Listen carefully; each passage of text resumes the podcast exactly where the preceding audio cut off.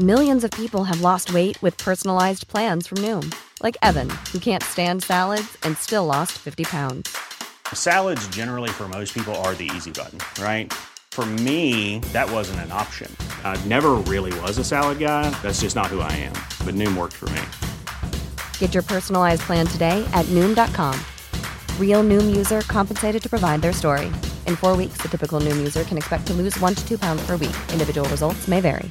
I'm Sandra, and I'm just the professional your small business was looking for. But you didn't hire me because you didn't use LinkedIn jobs. LinkedIn has professionals you can't find anywhere else, including those who aren't actively looking for a new job but might be open to the perfect role, like me. In a given month, over 70% of LinkedIn users don't visit other leading job sites. So if you're not looking on LinkedIn, you'll miss out on great candidates like Sandra. Start hiring professionals like a professional. Post your free job on linkedin.com/people today. Presse-Norge er uenig med seg selv. Noen beklager 22. juli-sakene fra ti år tilbake, mens andre advarer mot å legge seg for flate.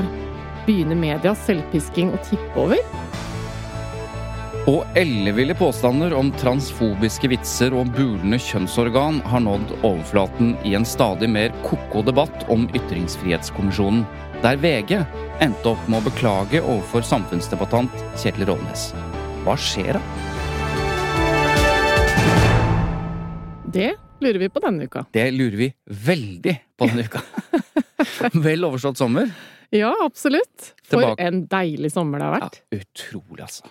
Og så tenker jeg, med en gang jeg har sagt det, det er jo ikke bra, vet du. Nei. For det er jo mens vi har kost oss på berget, så har jo folk daua i Europa. I flom og Ja, ekstremvær og sånn. Mm. Nå skal jeg ikke si at den varmen her ikke er en helt normal norsk sommer vi har lengtet etter, fordi det er litt vanskelig å si hva som er hva. Altså hva er klima Ja da. Eh, endringer. nå er du en av de som begynner med den, ja. ja, Ja, ja, kan vi ikke bare få glede oss over at det har vært en fin Sorry, sommer? sorry, sorry. Det har vært en fantastisk sommer. For, for nettopp i fjor sommer, første koronasommeren hvor vi var på en måte stuck i Norge, hvis man kan si det på den måten, eh, så, så følte jeg når sommeren var over at eh, dette var det verste som kunne skje eh, Turist-Norge eh, Mm. overfor eh, norske turister, da. For jeg i hvert fall opplevde at i ferien så var det veldig dårlig vær, og jeg syntes alt var kjempedyrt og alt mulig. Eh, dyr, billig har det jo fortsatt ikke blitt, men eh, det har i hvert fall vært helt fantastisk. Helt utrolig, og til alle som har hørt på, øh, vi har forsøkt å si det. Vi har vært på ferie, selv om Tut og Mediekjør har hatt episoder øh, hver uke. Ja. Vi har hatt en sommerspesial 22. juli-sending, og dit tok vi opp alle de episodene i begynnelsen av juli. Mm, Det var en tøff dag på jobb. det var en varm eh, dag på jobb. Ja. Og så er vi tilbake igjen, en øh, ordinær sending. Ja. Og da må vi jo starte da med en slags øh, runde rundt øh, bordet. Som vi pleier å ha. Og Ja. da er det jo vanligvis å stille spørsmålet hva har irritert deg eller gledet deg ved norske medier de siste uka. Men nå er det vel i sommer, da. Så hva, du har, øh, hva har du tenkt på? Ja, altså Det er en ting jeg tenkte på forleden dag, og det er eh, følgende helt seriøse spørsmål som jeg tipper at du kan svare på, Svein Tore. Ok. Altså, vi Shoot. er i 2021, Mm. Det kan det kan bekrefte. bekrefte. og så er det OL. Og det er deilig. Ja. Ja. Eh, og så er det nå engang sånn eh, med sport at eh, det har en betydning eh, hva man ser som er faktisk direkte, og hva som har skjedd tidligere i døgnet, som er en recap Ja. på skjermen. Ja. Så hvorfor klarer ikke eh, TV, eller altså i dette tilfellet Discovery, da, det kan Mm. godt hende at den feilen skjer hos andre òg, å ta bort at det står direkte når det er en replay? Ja, nettopp. Altså, seriøst.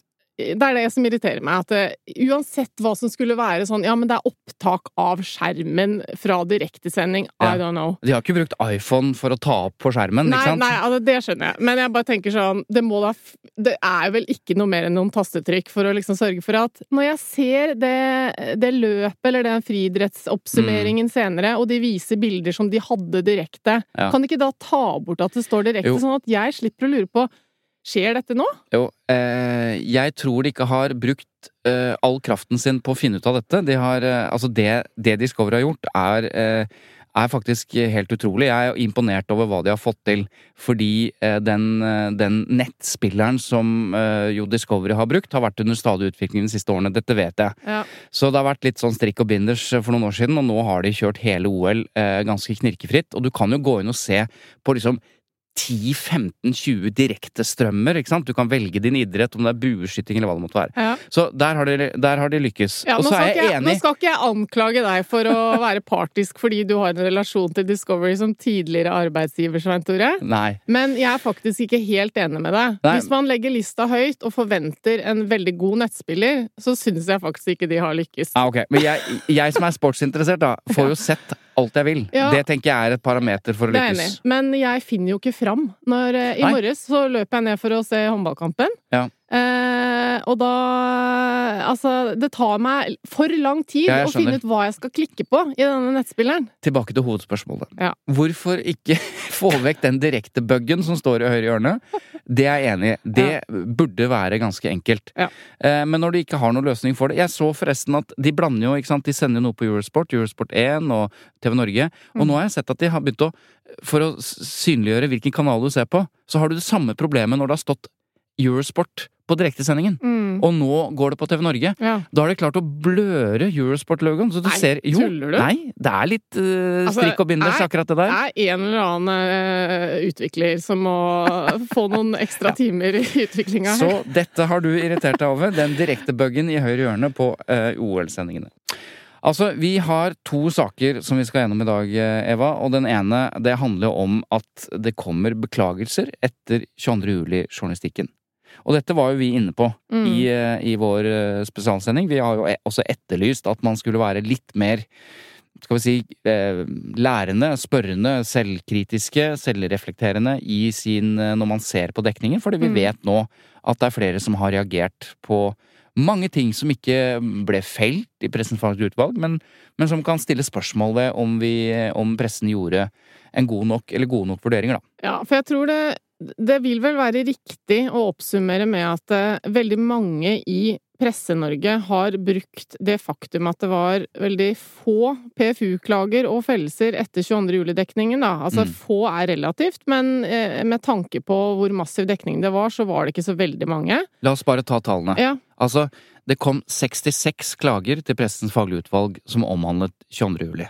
Og så øh, var jo veldig mange av de øh, sånne klager som ikke kommer fram, altså av ulike årsaker, så det ble 22 av de 66 klagene Mm. fikk såkalt full behandling i utvalget, hvor du blant annet var med å, å vurdere mange av de. Ja, for jeg satt eh, for nye lyttere, da. Jeg satt jo i Pressens faglige utvalg på dette tidspunktet som representant for allmennheten. Ja. Eh, og eh, det er jo sånn at disse klagene kom over ulike møter. Jeg var ikke til stede i alle. Jeg var også inhabil på én på grunn av en uttalelse jeg hadde hatt på Twitter.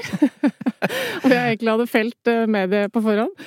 Og så ja. Ja, så- og så av de 22 klagene, så var det åtte som resulterte i fellelser eh, for brudd på god eh, presseskikk. Mm. Så kan man si, er da åtte av 22 klager, eh, og er 22 klager, eller 66 i utgangspunktet, få klager, når man har eh, så stort trykk? Og det er litt hvordan man ser det, da. Det er det, men i hvert fall så er det mange som da mener, eh, og som jeg til dels er enig i, at eh, pressefolk i for stor grad bruker det som en, eh, et argument for at dekningen, pressens dekning av 22. juli, var god. Mm. Fordi det kom så få klager. Og så må man da alltid huske på og minne om at det å sende en klage til PFU krever litt. Både tid, krefter og overskudd og så. Eh, og det er jo da all grunn til å tro at det er en del som har vært eh, å si, utsatt for pressedekning, Mm. som også var ganske nede for telling. For dette er jo snakk om eh, altså ofre etter terroren, da. eh, og andre, selvfølgelig. Men eh, så, så det syns ikke jeg er en god målestokk i seg selv. Nei, jeg syns heller ikke det. Altså, man, man kan ikke ta temperatur, eh, temperaturmåling på presseetikken i et helt land med liksom hundrevis av aviser og eh, publisister eh, og si ja, men se på antall fellelser i PFU. Altså, det begås eh, dessverre brudd på Vær varsom-plakaten hver eneste dag, som jo aldri eh, blir klagd inn, og som aldri blir noe av. Også eh, er det ting som kan være kritikkverdige i mediene, som aldri vil bli felt Mm. i Pressens faglige utvalg. det- Det må vi også huske på. Men um, det er jo hovedsakelig to ting man har eh, reagert på, som er to veldig forskjellige ting. Altså eh, kritikk mot media. Det har vært noe kritikk mot hvordan uh, overlevende og pårørende ble uh, møtt. Både rett etterpå og underveis. Det har vi snakket om at Og forskningen på altså Utøya-studien, som har forsket på medienes eh, kontakt med de overlevende, sier også det at hvis, det var, hvis de var misfornøyd med noe, så var det kontaktetableringen. Det å bli kontaktet av media når de ikke ville bli kontaktet. Mm. Og det skjer jo på en måte der og da. Og så har det vært kritikk mot billedbruk og noen fellelser eh, knyttet til det. Til, til det. Eh, Men den andre delen av kritikken, som er mye større og som jeg oppfatter at presse, eh, presseorganisasjonene også er interessert i å snakke om nå, det er at man ikke har tatt tak i det som var utgangspunktet for terroren, altså de, de ideologiske, og fulgt på en måte det høyreekstreme miljøet tettere og sett hvordan Utøya-overlevende har blitt utsatt for eh, altså stadig verre ting etter dette, 22. Mm, juli, mm. hvor man trodde kanskje at alle skulle ta avstand fra eh, terroristens tankegods, så har det på en måte skjedd en annen type utvikling. Den har ikke pressen vært på ballen på, da. Så det er den altså, andre delen av kritikken. Så skal det sies at uh, det har skjedd mye bra denne sommeren, syns jeg, i medienes spalter. Altså det har vært mye Absolutt. bra fokus på det som har vært etterspurt, da, Uh, i forbindelse med 22. juli og terror og høyreekstremistiske holdninger og så videre. Så, så jeg syns at det har vært en veldig konstruktiv eh, tiårsmarkering eh, på den måten, da. Ja, og det som har eh, Det som for så vidt har skutt fart, da, er jo Eller det som har gjort at vi nå sitter og snakker om dette, Mhm. og vi har invitert ansvarlig redaktør i Aftenposten, Mm. som kommer snart. Mm. Hun skal er- bare gjøre ferdig et redaksjonsmøte eller noe sånt. Hun kunne kommet hit og hatt relasjonsmøte her. Jo, og grunnen til det er at det har kommet kritikk, annet fra en uh, Utøya-overlevende som er fortsatt aktiv i politikken i Arbeiderpartiet, uh, som skrev et innlegg. Uh, og så har også det kommet en bok som heter Utøya-kortet, som Snorre Valen, tidligere SV-politiker, har skrevet, Mm. som har ført til en mediekritikk i denne, skal vi si, andedammen og fagtidsskriftene som vi følger, Medie24 osv., som igjen har ført til beklagelser. Mm. Og det er eh, Vi kan godt ta de, for dette er ikke Dette skjer jo ikke Dette er ikke hverdagskost. Absolutt ikke. At mediene beklager ti år etter for Mm. noe de skrev eller gjorde. Og det, og det som har kommet, det er jo da um, Jeg kan ta den første. Altså, Dagens Næringsliv har beklaget én setning Mm. i en lederartikkel om debattklima og ansvar, uh, som var skrevet i november i 2011. Ja, og Aftenposten har da beklaget måten eh, man håndterte saken om MS Storbjørn og daværende AUF-leder Eskil Pedersen, som vi også snakket med i, i en av våre sommerepisoder, Mm. eh, eh, og deres eh, flukt eh, fra terroristen, da, eh, fra Utøya. Eh, Aftenposten har altså ikke beklaget at, at de omtalte det som skjedde rundt det med Storbjørn, men måten, ja, Mm. men måten det ble behandlet på. Det handlet jo om at eh, opplysninger fra politiavhørene av de som var Ja. om bord på, på den båten, eh, ble, ble lekket, da. Og det gleder jeg meg til å snakke med Trine Mm. Om, som nå snart kommer. Og den siste beklagelsen er Bergens Tidende, som har sagt at de i dag ikke ville publisert en kronikk av skipsredder Dan Oddfjell, eh, hvor han gikk til angrep på den samme Eskil Pedersen, AUF og Arbeiderpartiet for å utnytte 22. juli i et slags velregissert politisk spill. Mm. De ville ikke satt den på trykk. Men det er jo ikke journalistikk, men det, det er jo under avisens ansvar. Altså det er en kronikk Absolutt som er, som er sendt inn. at de må Og det som, det som da skjer, er at Bergens Tidende skriver en lederartikkel. Mm. Altså, det er den, en- det eneste mediet som har skrevet en lederartikkel hvor de da eh, tar til orde for at, det er en, at pressedekningen om 22. juli bør gjennomgås. De sier at de selv vil gjøre det, eh, og så oppfordrer de at tiårsmarkeringa eh, gir også tid til ettertanke, og da bør også en samlet norsk presse gå gjennom dekningen av terroren. Da kom reaksjonene. Og da kom faktisk Trine Eilertsen, ser jeg òg. Det var veldig beleilig. Trine, velkommen inn! Altså, Trine Eilertsen, for de som ikke vet hvem det er, da, så er du eh, ansvarlig redaktør i eh, Aftenposten. Eh, hvordan er det med enledermodell og toleder? Du er også administrerende direktør. Administrerende, ja. Ja, både sånn penger og Både børs og katedral. Børs og katedral. Riktig. Eh, Vi kan også for ordens skyld si at du tidligere har vært ansvarlig redaktør i Bergens Tidende. Mhm. Også vært eh, politisk kommentator i NRK og i eh, Aftenposten før du ble Administrerende direktør. Altså en svært erfaren eh, pressedame i eh, studio. En pressekjerring av Pressekjerring, ja. eh, rang. Nei da, Men jeg har holdt på lenge, ja. Jeg har det også siden eh, god tid før 22. juli 2011. Og nå er vi altså midt i å snakke om eh, reaksjonene på journalistikk etter 22. juli, og så slo det meg faktisk ikke før du kom inn at når vi sier at vi har referert fra denne Bergens Tidende-lederen som oppfordrer til eh, liksom, å se på journalistikken og hva vi kan lære av det osv., og, så videre, og har beklaget eh, og greier. Og så sa jeg til Eva, så kom det reaksjoner. Og de reaksjonene vi snakket om da, er at det har kommet reaksjoner, et innlegg da fra Norsk Redaktørforening, der man advarer mot en slags eh, eh, revisjon av journalistikken, og at man, at man på en måte setter seg som overredaktør for det som de beslutningene som ble tatt der. Bergens Tidende, eh, du var jo ansvarlig redaktør, som Eva sier, i Bergens Tidende under 22. juli, var du ikke det? Ja, altså i 2011, da det er fødselspermisjon. Da var det min eh, gode venn og kollega Gard Steiro som var vikar. Som nå er ansvarlig redaktør i VG? Riktig. Eh, så, men i 2012, eh, Mm. da det de har beklaget ble publisert, da var jeg ansvarlig redaktør. Så de har altså beklaget noe du tok beslutning om å sette på trykk? Ja, jeg og debattredaktør Hilde Sandvik. Eh, Det har de gjort. Har de spurt deg hva du syns? Nei, det har de ikke gjort. Og det, det kan vi jo godt snakke litt om hvordan sånne ting fungerer når du skal eh, beklage beslutninger som er tatt tidligere. Ja. Hvordan du skal gå inn i det. For Aftenposten har jo også beklaget eh, ikke en hel sak, men eh, vi har sagt at den kunne vært gjort på en mer hensynsfull eh, måte. Mm. Men bare sånn for å ta den debatten som har vært i sommer, så må jeg si eh, på et tidspunkt den uken tiårsmarkeringen var, så tenkte jeg gud hjelpe meg, nå er vi i ferd med å gjøre denne tiårsmarkeringen til en mediedebatt. Mm. Altså det er liksom den heftigste debatten. Og det, det tenkte jeg synes jeg var ganske skremmende. Fordi Mm. at det er for det første ekstremt navlebeskuende, hvis du ser på vår egen bransje. Eh, og så er det å gjøre eh, vår rolle som selvfølgelig er viktig, men da flytter du fokus vekk fra det store bildet. Og jeg hadde en diskusjon med et par andre om hva vi skulle gjøre akkurat på dagen. Og, Mm. eh, og så sa jeg, vet du hva, vi skal i hvert fall ikke få den dagen til å handle om Aftenposten. Mm. Det skal handle om alle de som ble drept den dagen, alle de som sitter igjen, alle de som overlevde. Og liksom hele praten om 22. juli. Vi kan på en måte ikke redusere det til eh, vår debatt. Så betyr ikke det at mediedebatten ikke er viktig. Selvsagt er den viktig. Og det som har vært veldig fint nå, det er at folk som ikke har snakket før, har snakket og tatt opp ting som de har syntes var vanskelig å snakke om før. Mm. Eh, Vi har fått kritikk som folk har syntes var vanskelig å komme om før, eller kanskje ikke har klart å sette ord på før.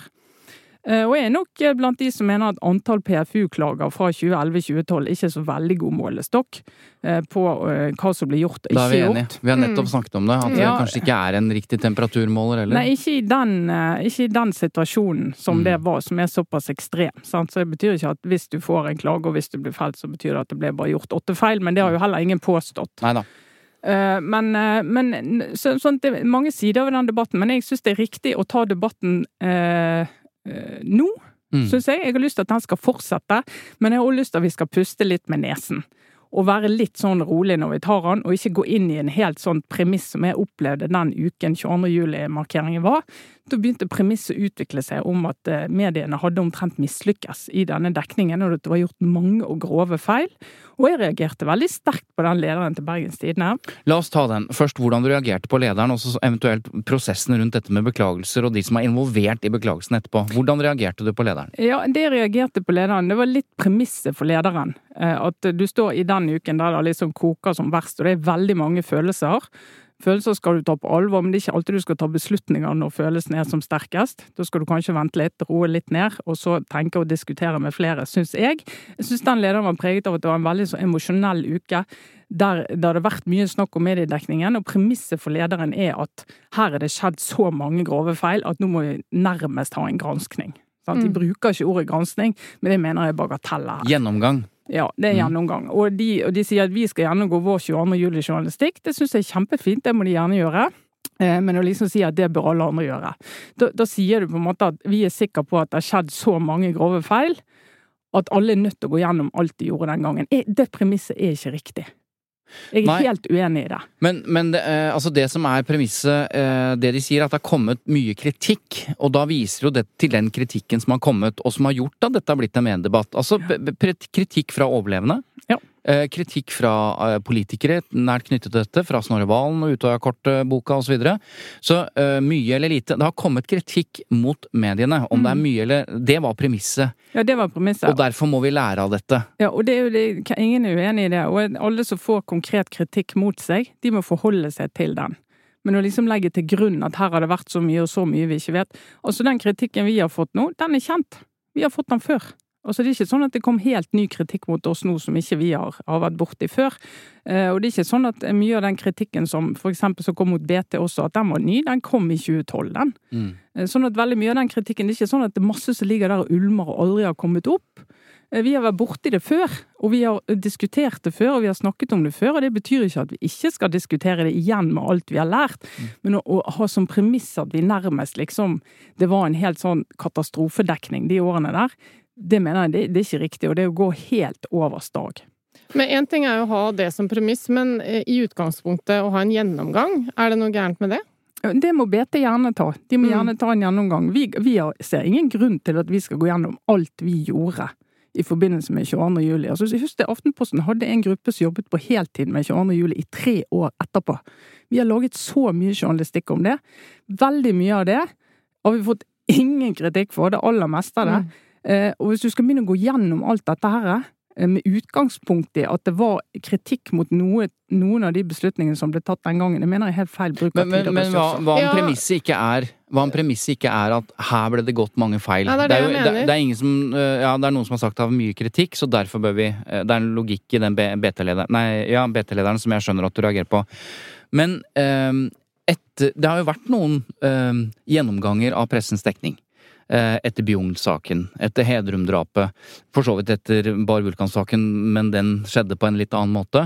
Det ble etterlyst en granskning eh, av pressens rolle i Thomas Quick-saken, som burde ha kommet, som aldri har kommet, fordi der er det helt ko-ko ting som, som, skjedde. Men, men, uansett, altså det at pressens organer eh, blir invitert til, eller tar initiativet til selv, å se på hva vi kan lære av eh, pressedekningen av store Eh, svære saker. Mm.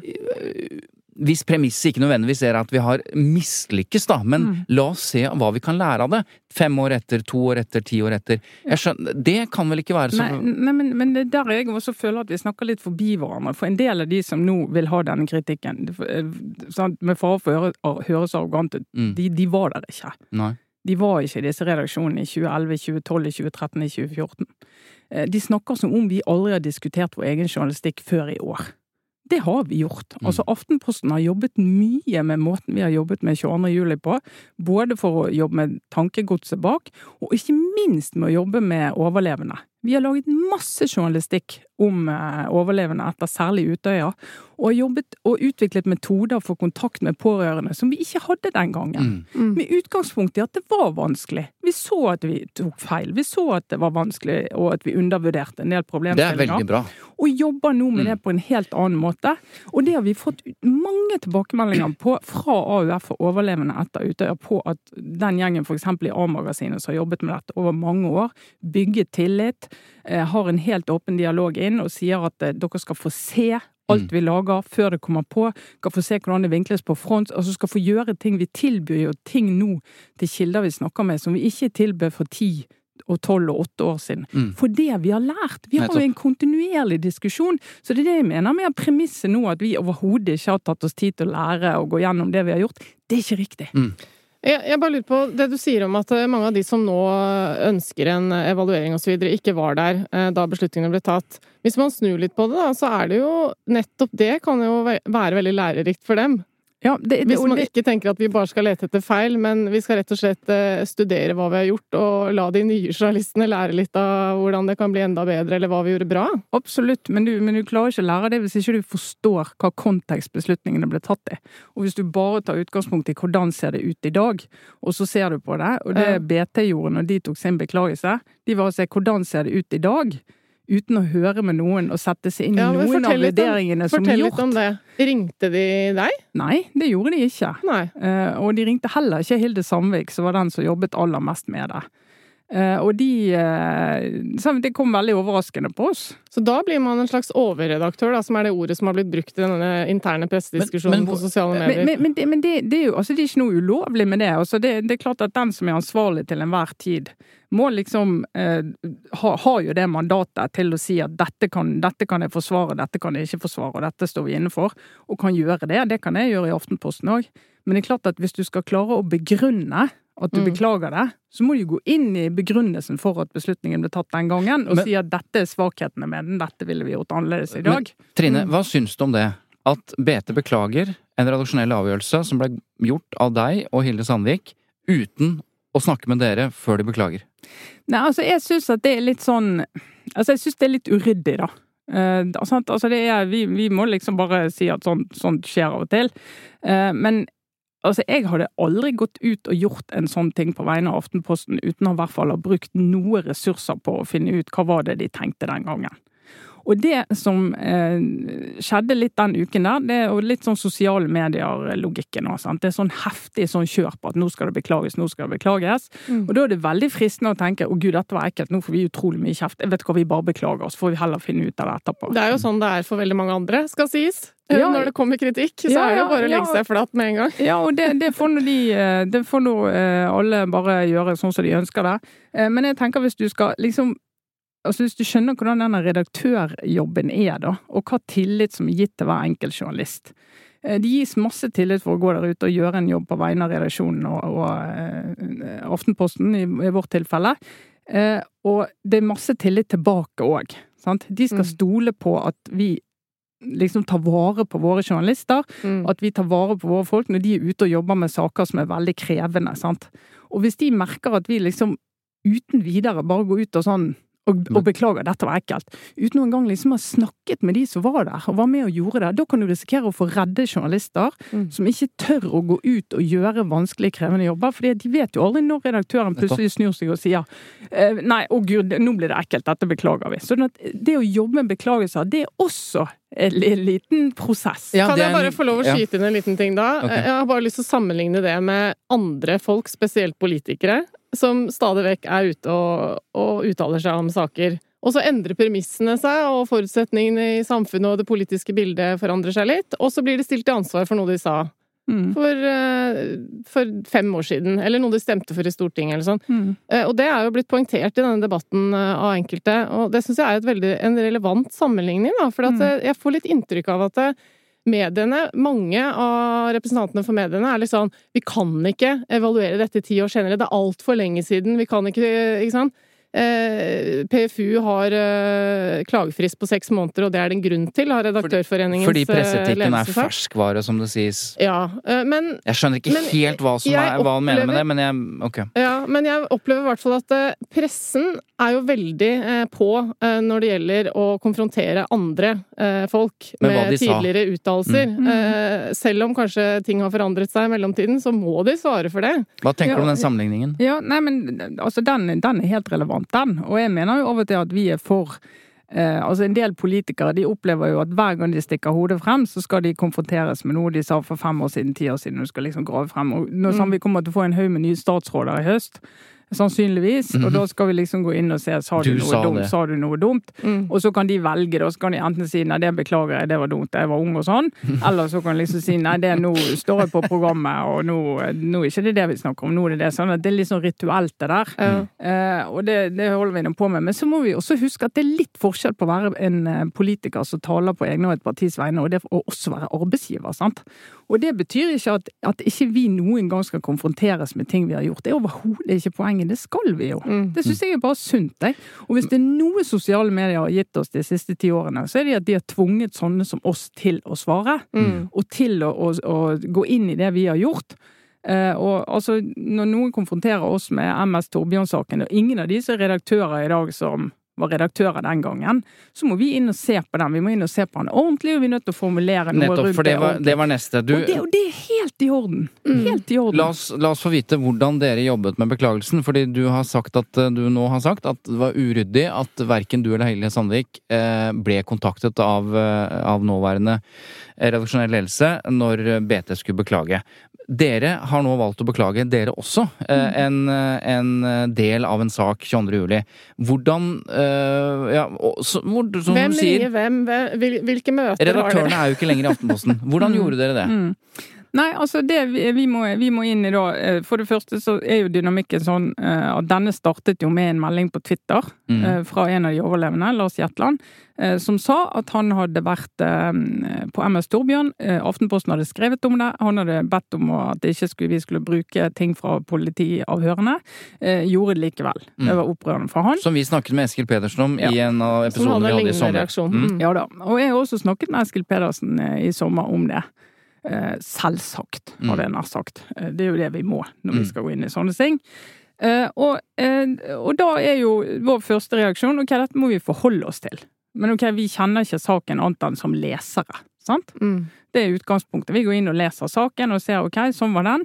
Eh, og så sier vi men vi må, vi må svare og vise at vi har sett at denne er kommet. Så nyhetsredaktør går bare kjapt ut og sier at jeg er lei meg for å høre det. Eh, og det blir jo da oppfattet som at å gud, Aftenposten beklager ikke, jeg tror det var like etterpå. Og det er litt sånn logikken i sosiale medier at hvis ikke, hvis ikke du beklager første timen, så er du Da har du ikke beklaget. Da har du ikke beklaget, og nå må de skjerpe seg, og er det ingen voksne på jobb. Alle de her frasene. Men det Ja, må vi bare se Som man også sier om andre. Ja, bare så det, er sagt. ja, for det må vi, ja, men jeg er helt enig, og det må vi bare se forbi, og det må andre også bare se forbi. Mm. Og hvis, hvis, for virkelig, det er en kampsak for meg. Hvis du lar det styre Twitteriatet, Mm. da for det første så får du ikke gjort jobben din, og for det andre så kommer du til å ta masse Ja. feile beslutninger. Så Ja. bare, bare stenge av støyen, Mm. og må gå inn og se hva er substansen i dette. Mm. Og så må vi gå inn og så må vi finne ut ok, hva vet du om hva vurderinger som blir gjort. Hvem av journalistene er her i dag, hvem av redaktørene er her i dag. Og så må liksom de, folk begynne å nøste i det, sant. Og finne ut Så av det. dere jobbet sånn? Dere Ja, ringte og, og snakket nøste, Må med begynne å nøste i det. Mm. Hva, hva kontakt hadde de hatt med dem? Men så sier vi ok, skal vi gå inn i en sånn full gransking av saken? Eh, nei, vi gjør ikke det nå. Det kommer til å ta altfor lang tid. Mm. Eh, og flere av de får jo ikke tak i, sant? midt i Mm. ferien. Eh, og enkelte de liksom er ikke klar for å gå inn i det. Sånn at vi må liksom bare se hva kan vi gjøre nå. Så vi går inn og sier ok, saken ble klaget inn til PFU. Og der er det jo en veldig lang redegjørelse Ja. av hva Mm. Aftenposten Tilsvar har de og gjort. sant? Mm. Og der er jo jobben beskrevet. Mm. Hva som var gjort, klagepunktene er gjort. Lese det, gå inn i det.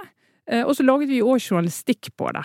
For vi gikk jo inn og så eh, ringte våre journalister for å si ok, vi må få frem hva dette handler om, og hva de sier, de som var der den gangen. Mm. Eh, Så både daværende nyhetsredaktør og sjefredaktør ble kontaktet, og ble laget journalistikk om de. Eh, Nei, om det de sa. Og jeg snakket jo også med Hilde Haugsgjerd, som Mm. var sjefredaktør den gangen. Nettopp. Og så eh, går du inn i og finner ut, ok, og så snakker du jo med de det gjelder. Lars Jetland ble jo invitert inn i vår redaksjon den uken for å snakke med vår redaksjon og si hvordan var det der? Mm. Hvordan opplevde du det? Ja, som, det som et læringspunkt, eller for, som, en redaksjonell Som sak. et læringspunkt. Mm. Vi har 9.30 hver dag der alle er til stede. Mm. Og der diskuterer vi Aftenposten. Og det jo sånn, blir jo helt eh, himla med øynene for å si ja, mediene er ute av stand til å ta selvkritikk. Altså, vi jobber med dette hver eneste dag. Mm. 9.30 skal vi diskutere hva vi har gjort siste døgnet. Og av og til så tar vi inn gjester.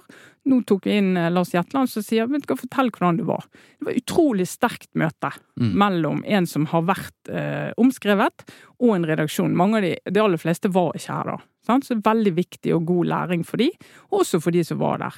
eh, å høre det. Så tar vi med det han sier. Jeg snakker med Eskil Pedersen.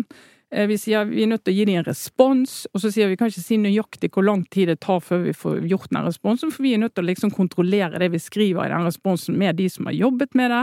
Vi må gjøre de klar over at vi gir dere denne responsen, hva som står der, hva det er som angår de. Det handler om vårt ansvar som arbeidsgiver. Mm. Sant? Vi har ikke bare ansvar for, overfor Twitteriatet. Mm. Vi har ikke bare ansvar for de som klager, vi har også ansvar for de som jobber i Aftenposten. Stort ansvar for de.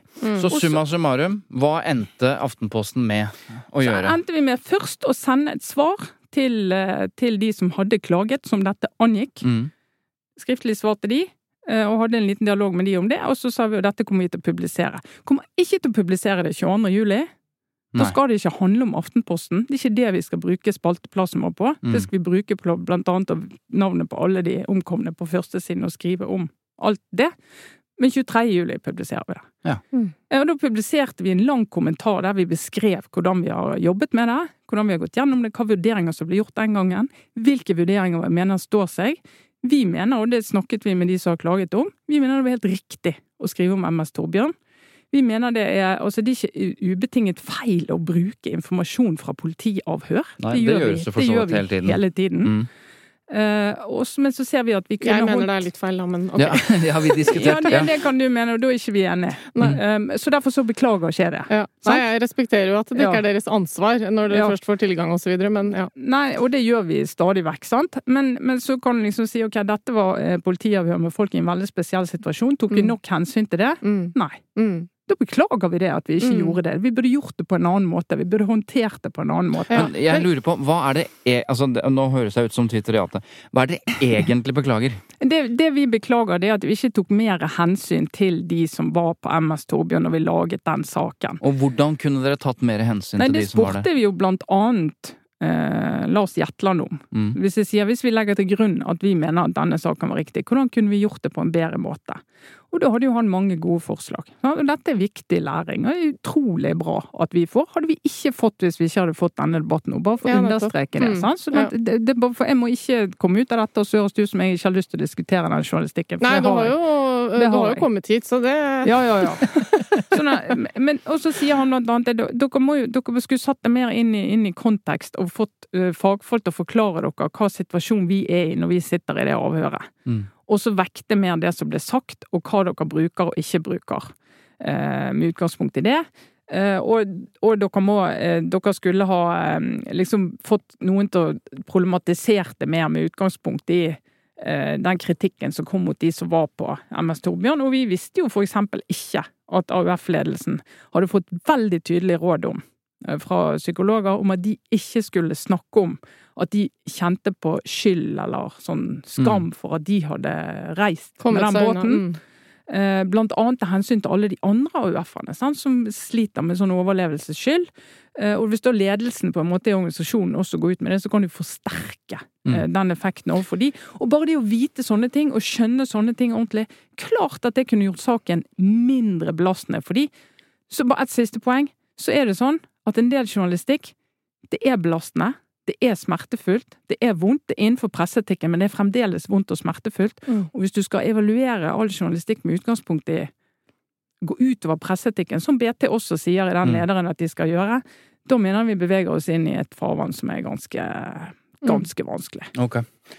Jeg tror vi skal runde av denne biten ved å konkludere med at uh, det er Det alle er enige om, er at det er mye å lære av eh, å se på journalistikk som skjedde for to, tre, fire, også ti år siden. Også 22. juli-saken. Dere har da Du har nevnt et eksempel på at dere faktisk henter inn eh, overlevende som forklarer hva dere kunne gjort annerledes. Så det, det på en måte ligger som et sånt eh, Om da premisset er at det skjedde mye gærent, eller hva det er, vi kan lære mye av å se oss tilbake. Det kan vi være enige om. Ja da, absolutt. Absolutt.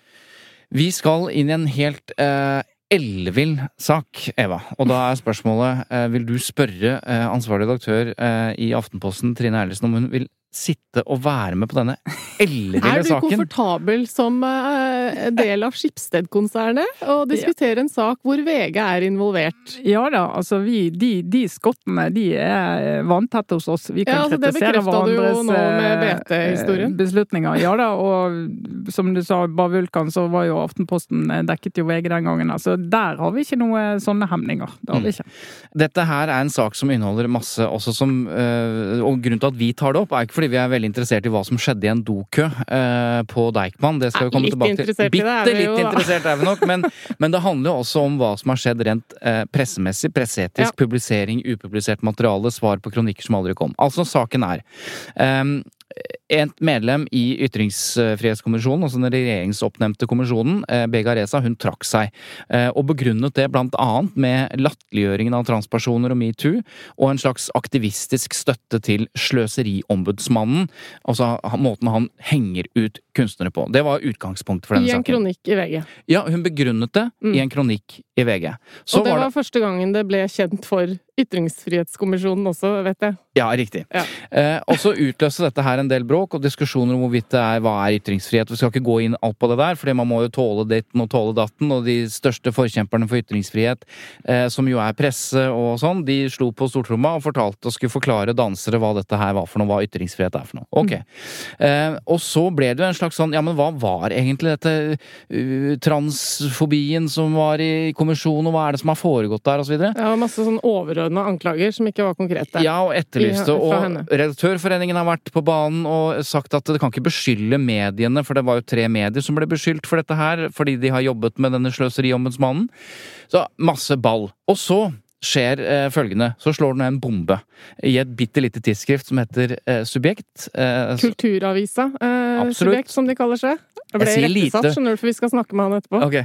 Eh, og der skjer følgende, nemlig at eh, Kjetil Rollnes, en kjent samfunnsdebattant som tilhører det mange kaller for eh, Facebook-høyre, eh, konservativ, eller i hvert fall diskuterer innvandring og sånn, og blir eh, Jeg orker ikke å oppsummere hva han driver med, men alle eh, altså, slå Jeg gjør det nå, for det er ikke sikkert alle Jeg visste ikke hvem han fyren her var Kjetil- før dette. Kjetil Rollnes er utdannet sosiolog. Han er en gudbenådet eh, Å ja, nå skribent. trodde jeg du mente ikke s- ikke Sivilombudsmannen. Å ja, nei, han orker jeg ikke å forklare. Eh, men du, skal jeg forklare hvem Kjetil Rollnes er? Det tror jeg kanskje ikke er så stort Nei, behov for det. Okay. Nei. Greit. Men i hvert fall så, så publiseres det en 18 000 tegn lang tekst 18 000 tegn er veldig langt. Eh, eh, der han eh, imøtegår beskyldninger som aldri har kommet. I hvert fall ikke på trykk. Fordi, eh, og dette er viktig, dette er som jeg er veldig interessert i å høre hva du tenker om, Trine. Fordi du blir utsatt for kritikk i noe som ikke ennå er publisert. Det utløser enten tilsvarsrett eller samtidig imøtegåelse. Du blir kontaktet og sier Mm. hei, det er noen som mener at du er en kukk. Eller unnskyld, eh, en, en idiot. Og, eh, og mener sånn og sånn og sånn. I tillegg så kommer det fakt, påstander av faktisk art. Altså at du skal ha gjort et eller annet. Som, som jo ofte utløser samtidig imøtegåelse. Så sitter du der, da, og så tenker du ja, men eh, ok, så dette er noen som beskylder meg for det. Eh, men dette har jeg ikke gjort. Jeg har ikke sagt det. Hva gjør jeg nå? Og det Kjetil Rollnes eh, da endte opp med å gjøre, var å ta tak i alle beskyldningene, eh, argumentere mot de, eh, og kritisere både da eh, Bega Reza, som har kommet med beskyldningene i en upublisert kronikk, og kritisere VG. Både fordi at de ikke gjorde jobben sin og sjekket dette ordentlig, men også fordi de bare lot han henge gjennom hele sommerferien. For de sa at denne kronikken, med alle disse beskyldningene, kommer kanskje på. Altså, fra et kommunikasjonsrådgiverperspektiv, så må jeg si at det var en snedig strategi. Absolutt. Altså, Nå anklager ikke jeg Rollnes for at uh, dette har skjedd og sånn, men eh, dersom det hadde vært noe i det, så hadde det vært verdens beste forsvarsstrategi. Ja, for det er det vi i kommunikasjonsbransjen kaller først på talerstolen. Ja. Altså hvis du, er, hvis du er utsatt for et eller annet, enten det er sant eller ikke sant, og det er viktig, Ja. enten det er sant eller ikke sant, så gjør du smarty hvis du vet at det kommer, da. Mm. Du bør være, altså Det er veldig dumt å gjøre det hvis, hvis, du, hvis du også vet at det aldri kommer til overflaten. Så Ja, frykten, andre- frykten for at det, at det siver ut på et eller annet måte, den, den, eller realismen i det må være der. Du går og sier at det kommer noe greier her. Det er ikke sant, og her kan jeg sannsynliggjøre at det ikke er sant. Mm. Det er en god strategi. Vel, Og det, og det skjer jo stadig vekk. det skjer Akkurat det. Altså, Eh, det har jo vi opplevd flere ganger, at vi har en kritisk sak mot en politiker, eksempel, eller en annen person, og så sier de eh, kan du gi meg litt tid, jeg trenger å varsle familien, jeg trenger å liksom få, få sagt ifra der jeg må si fra, og så sier vi ja, selvfølgelig, den tiden kan du få ta, menneskelig hensyn, Mm. og så ser vi at de bruker den tiden til å skrive et Facebook-innlegg, eller Ja. til å gå til et annet medium Ja, og, og få en sak hvor de liksom sier at enten står frem og får fortalt, fortalt historien på sin måte og uten de kritiske spørsmålene fra den redaksjonen som har jobbet frem saken, eller liksom bare gå på Facebook og sier at 'jeg legger meg flat, jeg beklager, jeg er lei meg'. Og, og dette er kommunikasjonsrådgiverne. Nei, men- ja, men det er ikke- men, men jeg er ikke bare skjønner det. Den, den muligheten fins, så, Mm. sånn at det, det, det skjer, på en måte. Mm. Men Ingenting av dette hadde skjedd hvis VG hadde bare avklart hvorvidt de skulle publisere eller ikke publisere. Med en gang til Nettopp. de som var hardest rammet av beskyldningene der, så hadde jo ikke dette vært en diskusjon. Og det er så klønete! Det, det er bunnløst klønete. Og så eh, ser jo jeg at Jeg skal ikke si at vi aldri kunne havnet i den situasjonen. Det tror jeg vi kunne. Eh, Men det er jo det som gjør at problemet oppstår. sant? Det at du sitter der og ikke helt forstår at ja, men nå sitter det noen som har fått vite at vi vurderer å publisere helt sånn karakterdrepende eh, anklager mot de, og sier at vi skal undersøke det. Da må vi selvfølgelig kvittere ut de. Nå har vi undersøkt, nå mener vi vi har belegg for dette, eller nå har vi undersøkt, vi legger det vekk. Så snart som mulig. Altså, eh, når du har en Alle vet som har vært i media, og selv selv intervjuer som i utgangspunktet er eh, ok, det er ikke noe Så lurer du alltid på når kommer det? Ja. Altså, For jeg må gjerne snakke med arbeidsgiver, eller jeg må kanskje si fra hjemme, eller jeg må si fra kolleger osv. Så, så kommer det ikke. Der er du hø- ekstremt utålmodig, da, Og- når du har skrevet noe selv. Ja, ja. Jeg ble, ja, men jeg ble intervjuet av VG her i går. eh, Og den, ja, når kommer den saken, da? Ja, den kommer i ettermiddag.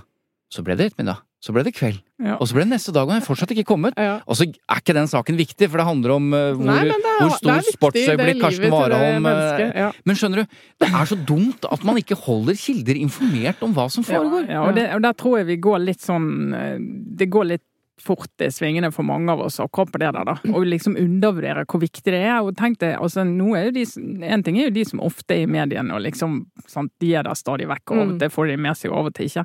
Men vi har jo kontakt med folk som er i mediene én gang i livet. Ja, og da er den ene gangen i livet. Mm. Det er litt sånn som en eh, pressefotograf jeg kjenner som alltid sier det, at mange av de jeg møter, de er i avisen én gang i livet. Da skal de jammen se bra ut. Mm. Og så har han tok bilder til de ser bra ut. De skal vise det til alle slektningene sine. Mm. Da skal ikke jeg ta et sånt gøyalt bilde der de ser rare ut. Mm. Altså, og det er litt med denne kontakten med folk som er én gang i mediene, og liksom skjønner Selvsagt er de spent og lurer på hvordan det ser ut, og liksom de har lyst til å liksom være klar over det.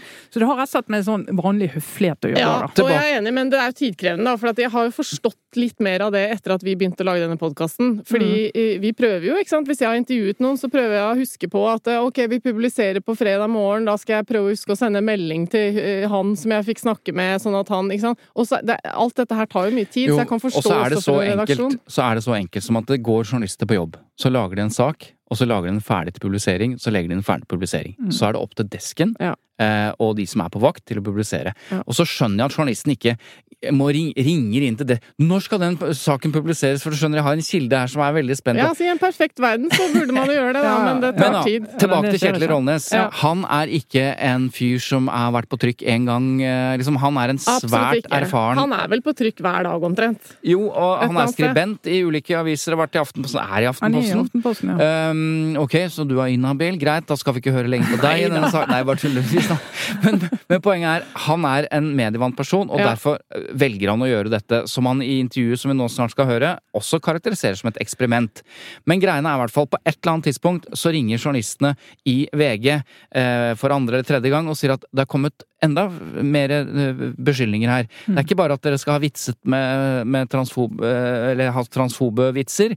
Heter det Ja, eller- transfobe? Eller dette var en prosess hvor han først fikk en henvendelse som handlet om at han eh, fikk muligheten til å gi et tilsvar, ikke sant. Men mm. da var den opprinnelige teksten i kronikken fra Reza eh, fortsatt litt sånn eh, ukonkret. Ja, og så kom det mer eh, På hva det handlet om, og derfor så hadde de da, virker det som, eh, stilt et spørsmål tilbake til kronikkforfatteren. Kan du konkretisere dette så det er mulig å svare på? Ja, og dette er jo ordentlig journalistisk arbeid. Ja, ja absolutt. Ja. Eh, og, da, og, og da ble det konkretisert med dette at det, det faktisk var eh, da Kjetil Rollenes og en annen som ikke er navngitt, eh, som hadde stått foran en doke og faktisk vist frem kjønnsorganene sine under buksa. Under eh, buksa. For å vise at de var, slash ikke var, eh, transvisitter. Ja, og på det tidspunktet så stiller Kjetil Rollnes følgende spørsmål til VG. Og jeg spurte også altså, tror dere på dette. Altså, tror VG på en sånn påstand? Ja, og så siden da har vi ikke hørt noe mer. det gikk vel et par uker fra uh, dette tidspunktet, som vel var, uh, var det 15. juli, uh, ja, til jeg fant ut at vi ikke kan leve med en, eh, en, eh, en situasjon der, der det altså vil komme en, en kronikk. Eller kanskje komme en kronikk. For det var det aller siste journalisten sa til oss, at Det kommer plutselig et lite forbehold med at liksom, om, om, vi eventuelt publiserer, så vil dere bli, vil dere bli kontaktet. Det forbeholdet har vi ikke hørt før. Og så hørte vi ikke noe mer. Og som sikkert mange skjønner, så er det en belastning å gå gjennom en, en, en, halv sommerferie med vissheten om at Norges største avis kan trykke noen helt ville anklager om deg, som da er, eh, forteller om dine råtne holdninger til en utsatt minoritet. Ikke sant? Og det var jo bare, ikke bare snakk om meg her, det var jo snakk om den andre personen. Det var også snakk om ganske harde anklager i den samme kronikken mot uh, lederen av Ytringsfrihetskommisjonen. Og også eh, en, en eh, spinnvill, rar eh, historie om noe Anki Gerhardsen også skulle ha gjort. Også, hun er også medlem av samme kommisjon og ble også navngitt. Så er det altså fire personer som, som sitter og lurer på når, eller hva vil skje, og, når vil vi bli satt i en offentlig gapestokk. ikke sant? Og da fant jeg til slutt at nei, dette her eh, er helt uakseptabelt. Dette her orker jeg ikke mer. Eh, nå skal heller eh, verden få høre hva denne personen har påstått. Og nå skal verden få høre hvordan VG har behandlet oss. Og nå skal også 15 kunstnerorganisasjoner som har støttet Begaresa, og kritisert Ytringsfrihetskommisjonen. Nå skal altså de også bli nødt til å svare for seg. Altså, Hva er det egentlig de tenker når de skriver under dette oppropet som var til støtte for norske dansekunstnere og til, til Reza? Så mm. det var liksom tre, disse tre instansene som jeg kritiserte på en og, og samme tid, og fortalte deg hele historien over ja, 18 000 tegn til til subjekt. Og det må jo si at det var ganske deilig å få det ut. Selv om det er en veldig rar situasjon selvfølgelig å være i. Mm. Det er, så, jeg begynner altså outer meg selv. altså Outer altså andres påstander om meg selv som ikke stemmer. Så sånn publisistisk sett er jo det her et eksperiment, og ganske risikabelt sådant. Jeg tror ikke noen har gjort noe lignende før. I, I Norge, i hvert fall. Så um, ja, så dette gjorde jeg altså. Hva tenker du, Trine? Om, eh, vi snakket jo om strategien om å publisere noe før. Eh, det har mm. blitt gjort på Facebook, eh, og ja, noen har gått til noen andre medier, men han oppfatter at han gjør at dette er et risikabelt eksperiment. Ja, jeg tenker det som er risikabelt med det, er jo at han da løfter påstander ut så like gjerne, og ville, viste det seg, aldri ville blitt kjent for offentligheten. Og så ville det ikke vært noe tema for offentligheten. Nå, Nei, for VG la jo denne kronikken bort. Ja, de la den bort, eh, og publiserte ikke. Eh, og nå er de der ute, og nå, så da er jo risikoen at noen er der ute og tenker ja, jo, det kan jo hende det er noe i det, og det har jeg sett at eh, noen har kommentert at er dere noe så sikker på det. Så det er klart at det er en risiko mm. som han tar. Men det andre er jo at eh, subjekt også da, eh, gjennom å publisere dette, tar en risiko med at de altså med utgangspunkt i sin kronikkskribent, som da ikke Kjetil Rollnes, eh, publiserer jo en del påstander òg som eh, de er nødt til å sjekke, sant? Ja, og det skal vi komme tilbake til, fordi vi har snakket med redaktøren i Subjekt også. Jo, men, men, men først men Eva, du, du, du stilte et spørsmål til Rollnes nettopp om det Trine nettopp, sier. Ja. Det var det du var redd for at jeg skulle hoppe over? Ja. Jeg spurte hva han tenker om at han da, uh, i tillegg til å publisere ting som VG ikke hadde tenkt å publisere, så kommer det jo en slags anklage om at uh, Reza lyver. Mm. Uh, så det er jo en konkret anklage. Og ja, jeg hørte med han hva han tenkte om det, da. Altså, ja, Det kommer an på hvor, hvor filosofisk vi, vi, skal gå inn i begrepet løgn. For løgn eh, innebærer jo ikke bare at man sier noe som er usant, men at man sier noe som man vet er usant.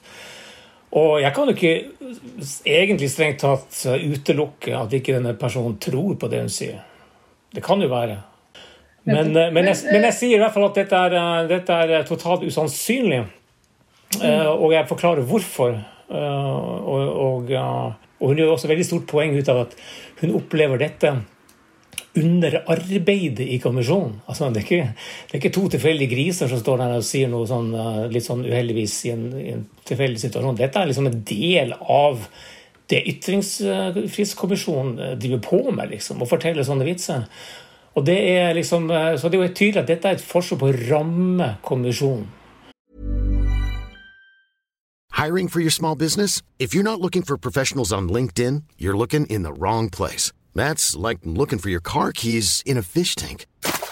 LinkedIn helps you hire professionals you can't find anywhere else, even those who aren't actively searching for a new job but might be open to the perfect role. In a given month, over 70% of LinkedIn users don't even visit other leading job sites. So start looking in the right place. With LinkedIn, you can hire professionals like a professional. Post your free job on linkedin.com slash people today.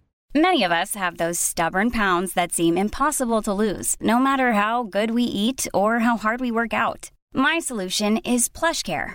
PlushCare is a leading telehealth provider with doctors who are there for you day and night to partner with you in your weight loss journey. They can prescribe FDA-approved weight loss medications like Wagovi and Zepbound for those who qualify. Plus, they accept most insurance plans. To get started, visit plushcare.com slash weight loss. That's plushcare.com slash weight loss. Eh, Men altså, hvis du legger all godvilje i verden til eh, Selvfølgelig, du sier at dette husker verken du eller den andre personen. Det er fullstendig usannsynlig osv. Men hvis du tenker at det, det er en mulighet for en misforståelse i noe som har skjedd, klarer du i det hele tatt å se for deg at det kan ha vært noe som har skjedd, som kan ha blitt oppfattet feil, misforstått? Jeg skriver, det i, jeg skriver jo det i, i, um, i kronikken. At, at vi stilte oss jo det spørsmålet. Liksom, kan vi ha sagt noe som kan ha blitt tolket slik og slik?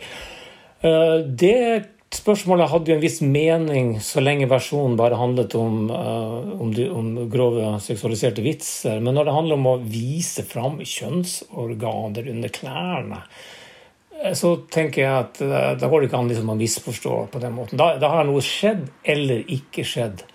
Og så skulle vi liksom i en tilfeldig pause midt på dagen, når alle liksom er ja, selvfølgelig edru, og i det hele tatt så skulle vi finne dette som et passende anledning for å stå og vifte med tissetassen på do, liksom. I andres påsyn.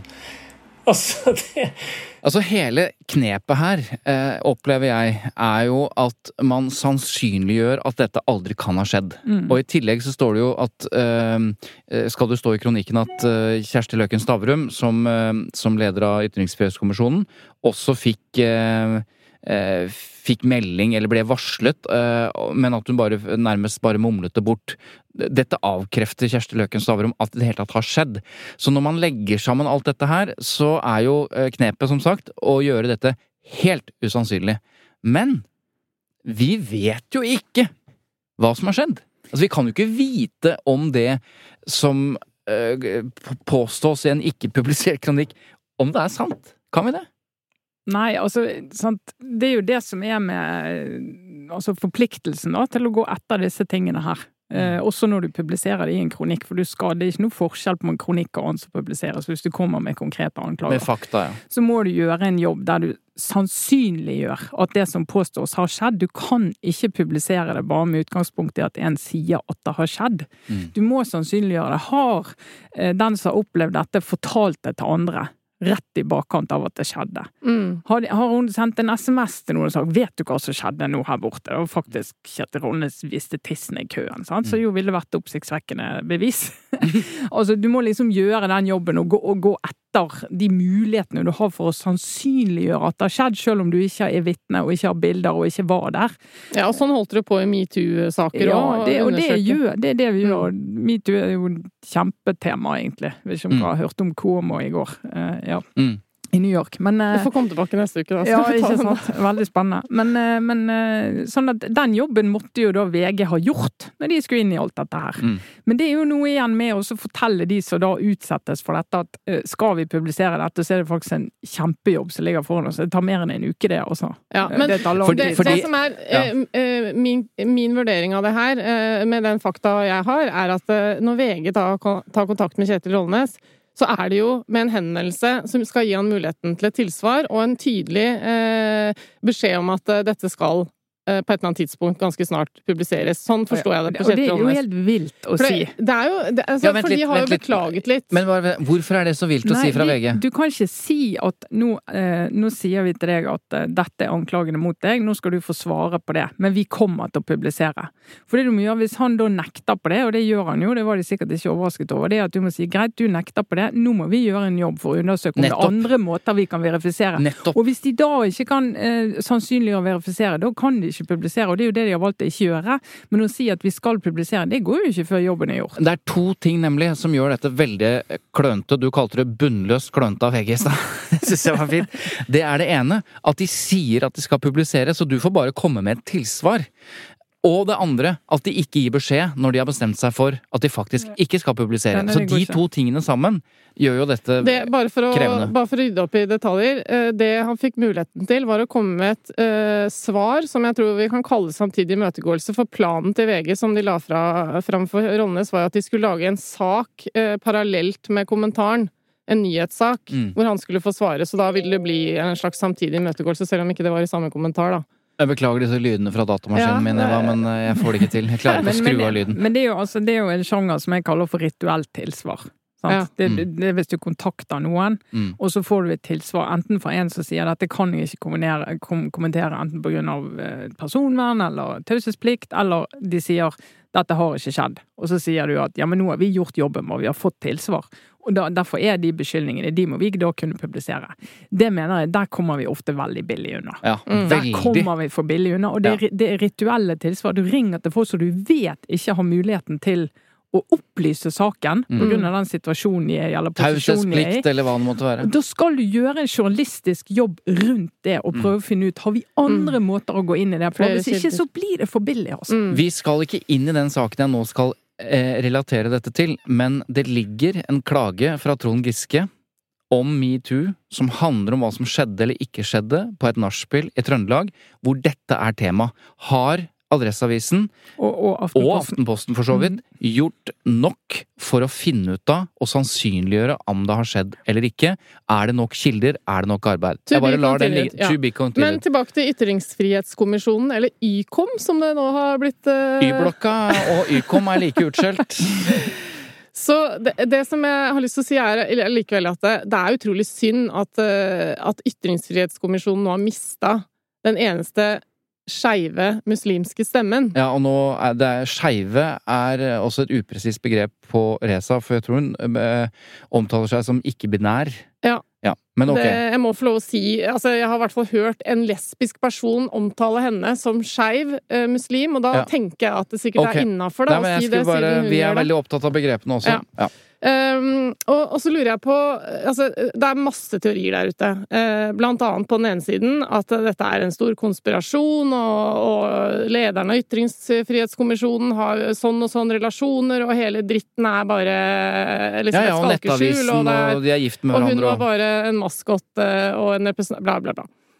Eh, Men, eh, men det er jo synd. Og så lurer jeg på hva, hva kunne vært gjort annerledes for at det, det ikke skulle skjedd det som skjedde, da? For på den andre siden så mener jo eksempel Kjetil Rollnes, som han sa til meg, at uh, dette er sannsynligvis resultatet av press fra den der ytre venstresiden i kunstnermiljøet, uh, som har plutselig liksom begynt å gi henne litt uh, tyn eh, for at eh, hun sitter i denne ytringsfrihetskommisjonen og legitimerer den.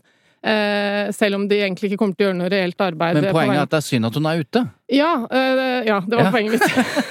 Og det er synd at man, at man mister den type stemmer i en sånn kommisjon. Takk for at du minte meg på hvor jeg skulle. For det, det som også var poenget mitt, er at hun skriver en kronikk, og det er kjempebra at hun gjør det. Den var jo velformulert og alt mulig. Og så blir det stille. Ikke sant? Det er ingen andre som får henne i tale, og det kan jeg forstå, For det, det er superbelastende å skulle stå i Du kommer med en ytring i pressens spalter, og det er jo da et par dagers fulltidsjobb hvis den ytringen er ganske hard, da, for da skal absolutt alle medier helst ha en kommentar. Så jeg kan absolutt forstå hennes valg om å bare jeg orker Jeg sier det jeg har å si, og så ferdig med det. Mm. Men det er jo ikke spesielt bra i den sammenhengen her. For det som skjer da, er at eh, Kjetil Rollnes, som er jo en, eh, hva skal jeg si, en mektig eh, mediedebattant, med 30 000 eller hva det er følgere på Facebook, som er et slags ekkokammer i seg selv, kan man vel si.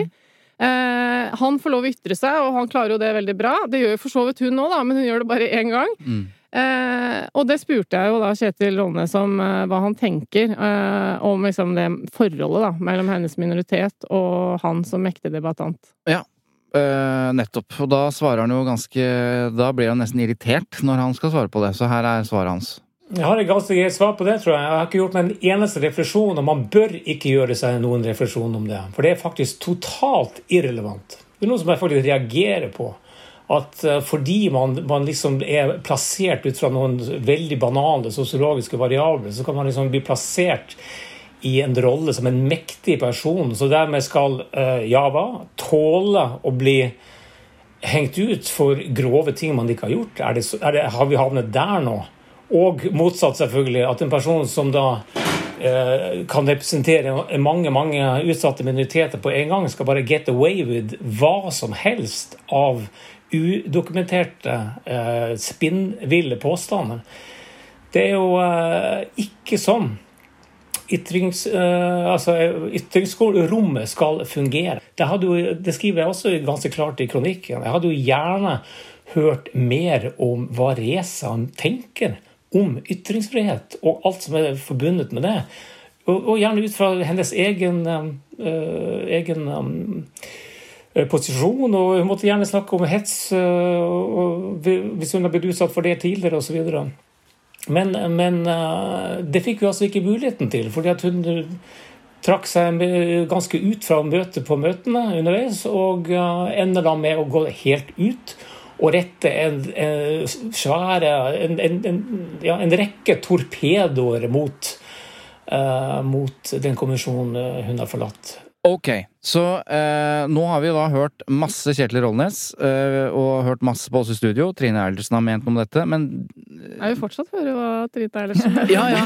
men, men eh, la oss bare skyte inn at vi selvfølgelig også, eh, som alle andre, har forsøkt å få tak i Reza. Det er viktig. Eh, og det, er, det har vi ikke mm. fått til, da. Og du, du, kan jo svare du, Trine Eilertsen, på om uh, vi har gjort jobben vår godt nok. For at vi har da sendt Jeg har sendt henne en melding på Facebook, og så har jeg sendt henne en e-post. Og jeg har sendt den organisasjonen hun er leder for, en e-post. og så har jeg ikke fått svar fra noen, men dette var da ca. et døgn siden. Mm.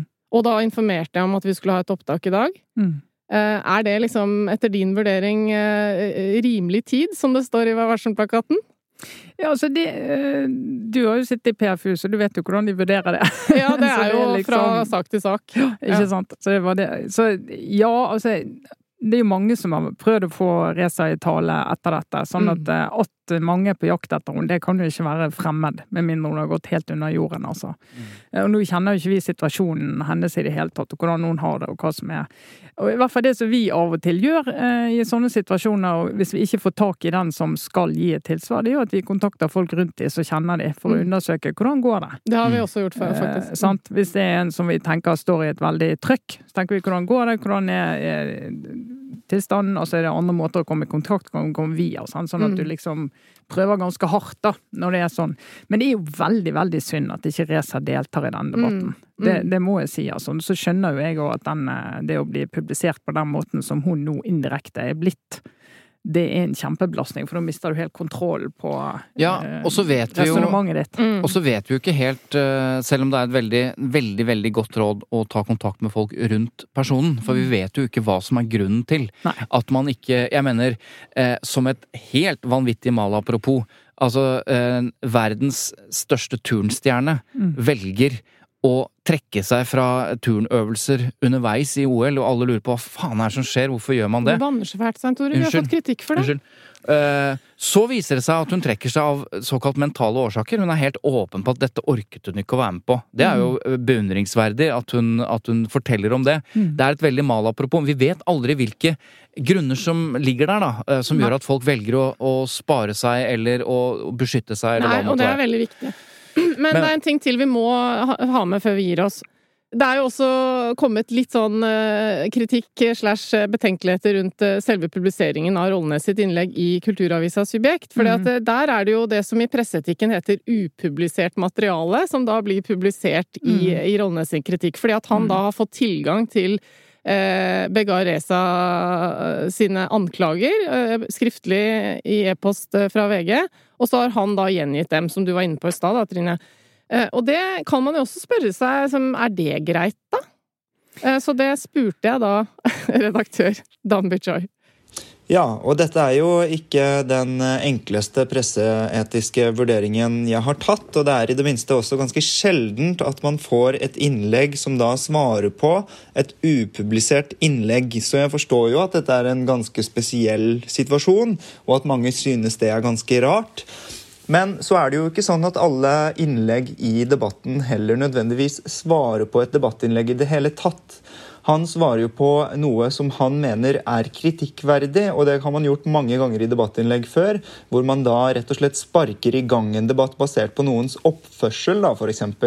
Og eh, hvis man vurderer det sånn, så er det jo egentlig ikke noe veldig spesielt eh, man skal vurdere i denne situasjonen. Eh, og tvert imot så mener jeg jo at vi har ganske mm, gode eh, og faktisk dokumenterbare Um, håndfaste bevis på, på, det Kjetil Rollnes faktisk kritiserer. Og det er jo da um, nemlig noen anklager som han har sort på hvitt i en e-postdialog mellom han og VG. At han kom VG i forkjøpet og, um, og, og publiserte sin kritikk Eh, det er jo å ta VG litt på senga, fordi at VG eh, burde jo på et eller annet tidspunkt, så snart som mulig egentlig, sagt til Kjetil Rålnes at saken eh, ikke skulle publiseres, altså Begarezas debattinnlegg. Og ja. Eh, da dere publiserte Kjetil Rollnes sin kommentar, eh, opplevde dere et behov for å gi Bega Reza en mulighet for imøtegåelse av hans anklager om at hun lyver? Hvordan tenkte dere der? Ja, Vi ser jo på dette som et innlegg i en løpende debatt, som også er, eh, som også er eh, formulert i Vær varsom-plakaten litt annerledes på hvordan man skal behandle det. Men når det er sagt, så fikk hun selvfølgelig tilsvarsrett. Minuttet, samme minuttet som det ble publisert, så orienterte vi også henne om det på e-post. Eh, og når det er sagt, så skal det også sies at jeg har ikke fått svar på noen av mine henvendelser, på noen av mine mange henvendelser til Begar Reza den første uh, i september i fjor, da vi lagde en sak uh, om, en, uh, om, at hun hadde Hvor det også fremmes noen beskyldninger mot henne. da. og at hun aldri svarer på våre henvendelser, synes vi er veldig synd, fordi vi ønsker å få frem hennes side av historien. Vi ønsker å belyse hennes, hennes side av saken. Men det er dessverre ikke alltid like lett.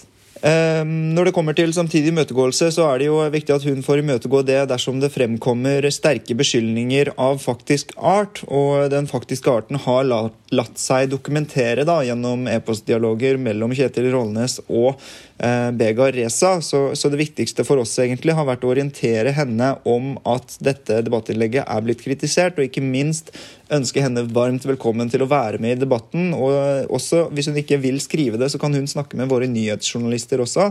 Så skal vi eh, gjøre en uh, hensynsfull eh, og eh, vi vil prøve å forstå hva som er hennes side i denne saken, men, men det har ikke latt seg gjøre, dessverre. Fordi at det har vært vanskelig å, å få tak i Begares. Ok, det er to ting her som jeg har lyst til å spørre deg om, eh, Trine. Det ene er eh, beslutningen om å publisere en kronikk basert på et upublisert eh, materiale. Mm. Som han forklarer først her. Og det andre er hans eh, begrunnelse for ikke å gi henne eh, muligheten til uh, en samtidig imøtegåelse. Altså han argumenterer for at det bare At han, han, hun kontakt, ble kontaktet i det sekundet det ble publisert. Ja, men jeg bare understreke at samtidig eh, betyr da ikke at eh, han sender en henvendelse samtidig nei, som han publiserer. Nei, nei. det, er, det, er at, en stor eh, misforståelse. Det, skal publiseres samtidig. Ja, ja og, og, og, hvis de, sånn som de gjorde, de publiserte kronikken, eh, og så samtidig, altså ikke samtidig imøtegåelse, samtidig så ga de henne muligheten. Det er altså ikke samtidig imøtegåelse, det er å gi henne muligheten til et tilsvar. Det var det vi akkurat sa. Nå mansplaina du, Fader! Altså, at jeg skal fortsette med den derre mansplaininga! Ja.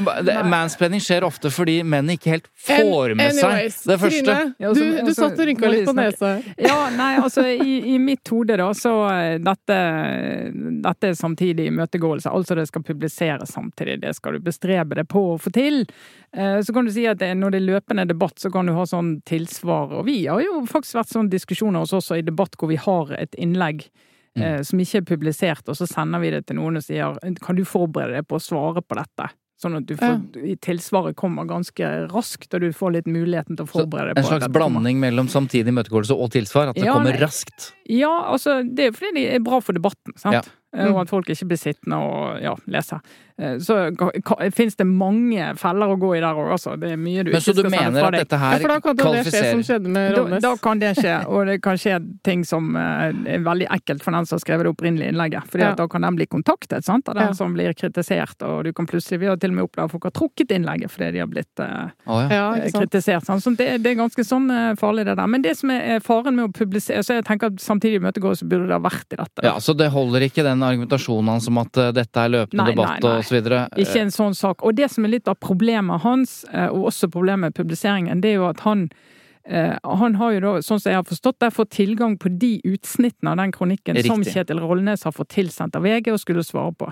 Det kan stå veldig mye annet i den kronikken som gir nyanser og gir kontekst, og gjør liksom at saken kanskje ser litt annerledes ut. Som han da ikke har tilgang på. Eh, og så kunne ha gjort at vurderingen og publiseringsvurderingen ble en annen. Ikke sikkert det hadde blitt det, men det blir en annen. sant? Så jeg tenker at det å bare liksom så stole så blindt på det, gjelder jo for så vidt eh, Rollnes òg, som får de avsnittene han skal kommentere, men ikke helheten. Men at han som privatperson gjør det, hadde han ikke gjort det der, så hadde han gjort det på Facebook. Så at han gjør det, det kan på en måte ikke kritisere ham for det. Nei, for den som står for publiseringen her, eh, publiseringen her er eh, subjekt. Ja, det er subjekt som må ta det hele og fulle ansvar. Det er ikke Kjetil Rollene som er ansvarlig for det. Mm.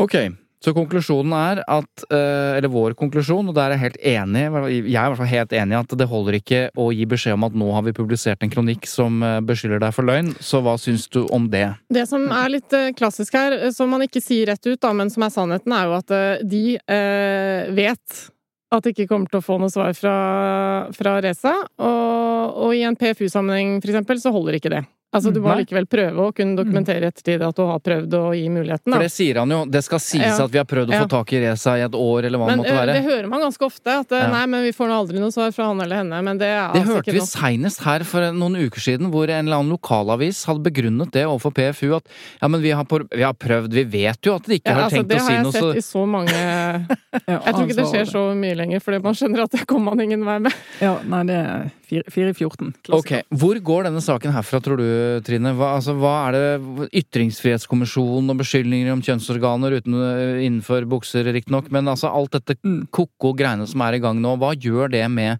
diskusjonen om hele liksom Både minoriteter som skremmes til å ikke Mm. eh, kunne uttale seg fordi den mektige Rollnes har vært ute med sin følgerskare, og alt dette som Mm. kan påvirke debatten framover. Hva tror du skjer?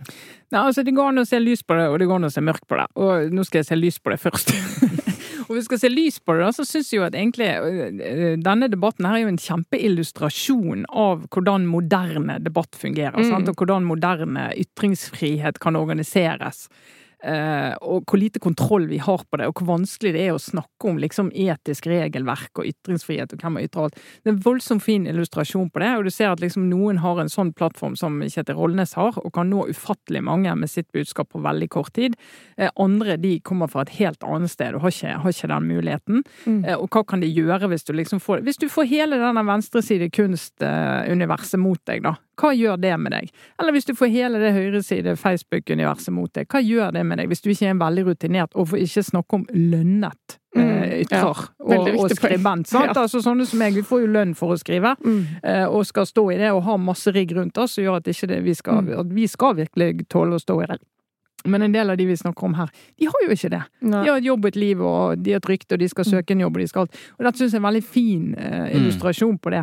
Men det er jo veldig, hvis du da skal se litt så mørkt på det, Mm. så viser det jo at sjøl liksom en, en, en kommisjon som skal jobbe med nettopp å få opp hva er dilemmaene her. Hva er dilemmaene i det moderne medielandskapet og ytringslandskapet som gjør at det blir vanskeligere for noen å ytre seg, og lettere for andre å ytre seg. De har liksom bare totalt blitt en del av problemet sant? Mm. akkurat nå. Ja, det er veldig fascinerende. Men nå har du tatt lys og mørk, og da vil jeg ta liksom fugleperspektivet. For i det perspektivet så syns jeg at eh, det som egentlig har vært veldig bra, er jo at eh, de fikk en oppgave i den kommisjonen om å skape debatt om ytringsfrihet. Det har de jo definitivt klart. Mm. Eh, Litt mye debatt om seg selv, riktignok, men ok. ja, ja, ja. men med hjelp fra andre også. Men eh, for jeg tenker at det, det aller viktigste her er jo at folk får være med og gjøre seg opp refleksjoner om disse spørsmålene. Eh, For at den rapporten som til slutt kommer, den blir sikkert veldig viktig, men den kommer jo til å gå under radaren hos veldig mange, sannsynligvis. Mens denne debatten, den er litt mer juicy. Mm. Så jeg tror kanskje flere har endt opp med å gjøre seg refleksjoner, da. Det er jo tross alt bra. Helt til slutt på tampen så må vi eh, gå etter vår egen presseetikk. Det er to, eh, i hvert fall to parter som bør få muligheten til eh, tilsvar. Og den ene skal jeg ta nå. Det er VG. Ja. Vi har snakket om VGs VGs Det er altså samtidig møtegåelse du da er i ferd med å ta, ikke tilsvar. Riktig.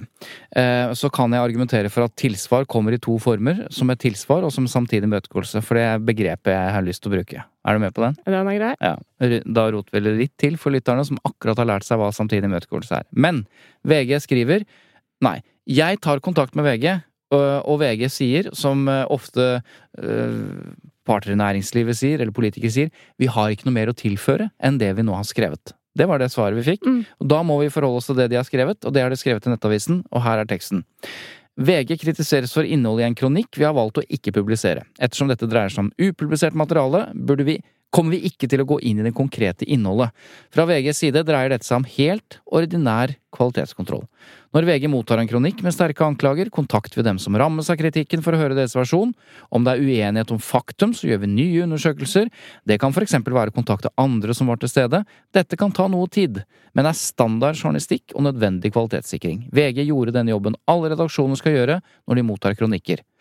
Siste avsnitt. VG besluttet tidligere i sommer å ikke publisere kronikken i den form den forelå. Det fikk skribenten tilbakemelding om. Vi ga ikke samme beskjed til Kjetil Rollnes. Det burde vi ha gjort. Vi forstår at ventetiden har vært ubehagelig og en belastning. Ja, så da, det er jeg helt enig med VG. Ja, dette er en, Og det, er en det svaret til VG ble veldig bra når det var uh, voisa av deg, faktisk. For det, kom, det ble litt mer innlevelse i det enn hvis Eh, du leser det på Nettavisen. Det de ikke svarer på, er jo den kritikken som både du, Trine, og jeg kom med, at det er dobbelt klønete. Det ene er å si at kronikken skal publiseres, eh, eh, før den har tatt en beslutning om skal publiseres, og, og så er det det de da faktisk Ja, og så er det det som jeg mener sterkt, at de burde hatt en annen tone når de tok kontakt med Kjetil Ronnes i første omgang. Ikke si at eh, du skal få lov å svare, men heller begynne med å spørre eh, hva, kan dette stemme, da? Mm.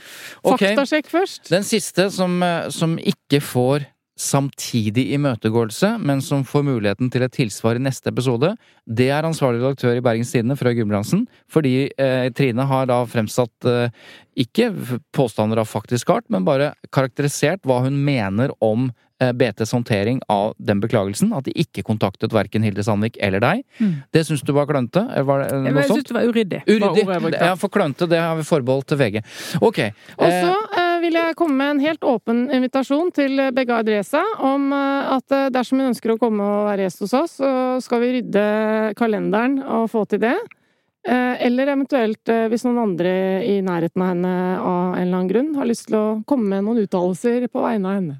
Da tror jeg vi har eh, gjort det meste korrekt, og så har vi eh, satt ny rekord eh, etter sommerferien. Vi var så snakkesalige etter Åh, sommerferien, Gud, Dette her blir lang episode.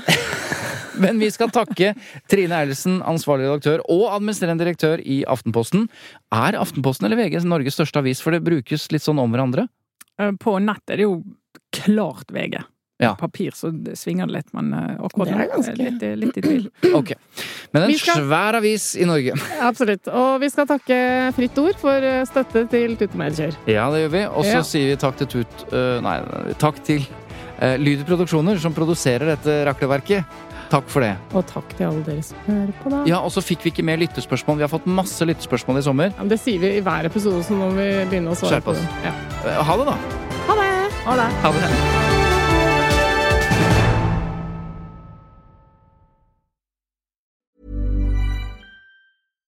Hi, I'm Daniel, founder of Pretty Litter. Cats and cat owners deserve better than any old fashioned litter. That's why I teamed up with scientists and veterinarians to create Pretty Litter.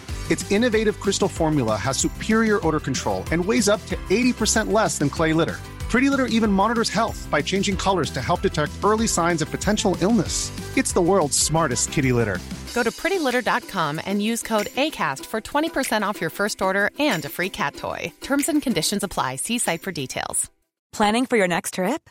Elevate your travel style with Quince. Quince has all the jet setting essentials you'll want for your next getaway, like European linen, premium luggage options, buttery soft Italian leather bags, and so much more. And is all priced at 50 to 80% less than similar brands. Plus, Quince only works with factories that use safe and ethical manufacturing practices. Pack your bags with high-quality essentials you'll be wearing for vacations to come with Quince. Go to quince.com slash pack for free shipping and 365-day returns.